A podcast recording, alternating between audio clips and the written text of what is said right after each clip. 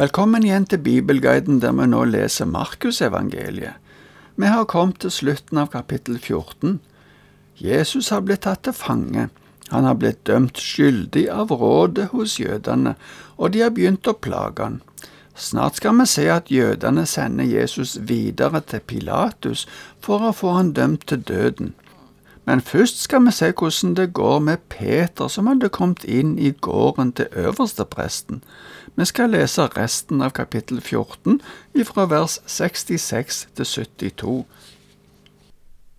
Imens var Peter nede på gårdsplassen.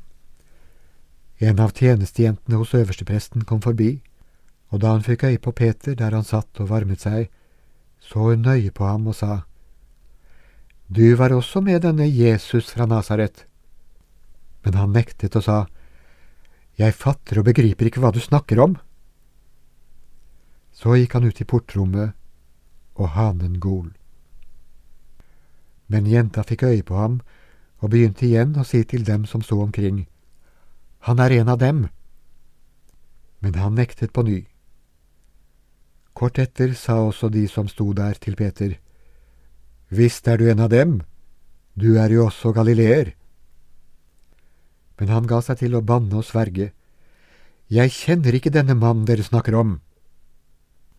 I det samme gol hanen for annen gang. Da husket Peter det Jesus hadde sagt til ham. Før hanen galer to ganger, skal du fornekte meg tre ganger. Og han brast i gråt. Det må være Peter som har fortalt dette til Markus. Teksten avslutter med at han brast i gråt. Peter syns dette var så forferdelig at han gjerne gir lytterne et innblikk i hvor djupt han hadde falt. Det er som Jeremia har sagt, hjertet er mer svikefullt enn noe annet. Det står i kapittel 17 vers 9 hos Jeremia. Peter hadde jo tidligere sagt at om han måtte dø med Jesus, så ville han ikke svikte han men nå hadde han altså nekta på at han kjente Jesus. Han hadde brukt sterke ord for å understreke det han sa. Han hadde til og med banna og sverga på det. Men da hørte han at hanen gol, og så husker han det som Jesus hadde sagt på forhånd. Jesus hadde sagt at før hanen gale to ganger, så ville Peter ha fornektet han tre ganger. Jesus hadde fått rett, og nå var Peter dypt ulykkelig. Jesus hadde blitt svikta og forlatt av alle disiplene, og han hadde blitt dømt av rådet hos jødene. Nå hadde han blitt ført til de ubarmhjertige romerske myndighetene. Vi går over til kapittel 15 og skal nå lese de første fem versene der. Straks det ble morgen, og overprestene med de eldste og de skriftlærde, altså hele rådet, hadde holdt møte, bandt de Jesus, førte ham bort og overga ham til Pilatus. Pilatus spurte ham, Er du jødenes konge?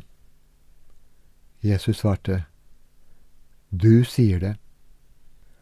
Overprestene kom nå med mange anklager mot ham. Og Pilatus spurte ham igjen, Svarer du ingenting? Du hører alt de anklager deg for. Men Jesus svarte ikke et ord, og Pilatus undret seg. Etter det Johannesevangeliet skriver, hadde ikke jødene lov av romerne til å ta livet av noen, sjøl om de etter jødenes lov ble dømt til døden. Det var derfor de måtte komme til Pilatus med Jesus, de brukte ikke argumentet om Guds bespottelse når de kom til Pilatus. Det var sikkert ikke noe Pilatus ville brydd seg om, for jødene sin gud var ikke viktig for han eller for romerne. Det ville ikke være noen grunn for å dømme noen til døden. Det står at overprestene kom med mange anklager mot Jesus. En av disse var sikkert at Jesus hadde hevda at han var konge men det var sikkert òg mange andre anklager. Men Pilatus tok fatt i den anklagen om at Jesus var konge, og spurte Jesus rett ut om det. Ifølge Markus svarer bare Jesus, Du sier det. Men Johannes legger dette fram som et spørsmål, der Jesus spør om han sier det av seg sjøl, eller om det er noen som har sagt dette om han. Men Pilatus sier, ifølge Johannes evangeliet, at han er ikke jøde, og at han derfor ikke er inne i den måten som de tenker på. Der, altså i Johannesevangeliet, står det også mer om den samtalen mellom Jesus og Pilatus. Markus nevner at Pilatus undrer seg over at Jesus ikke svarte på noen av anklagene fra jødene.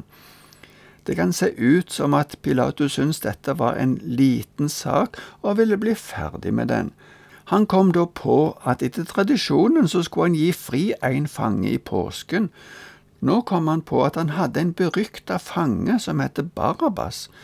Han ville sette han opp imot Jesus, så ville de kanskje foretrekke å få Jesus fri. Jesus hadde jo tross alt gjort mye godt. Det kjente sikkert Pilatus til. Han forsto at de jødiske lederne var misunnelige på Jesus. Vi leser videre og ser hvordan det går.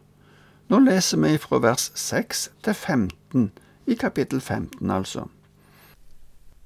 Hver høytid pleide Pilatus å gi en fange fri, den folket ba om. En som gikk under navnet Barabas, satt fengslet sammen med de opprørerne som hadde begått et drap under opprøret. Da mengden møtte opp og begynte å be Pilatus gjøre som han pleide, svarte han. Vil dere at jeg skal løslate jødenes konge? For han visste at det var av misunnelse overprestene hadde utlevert Jesus.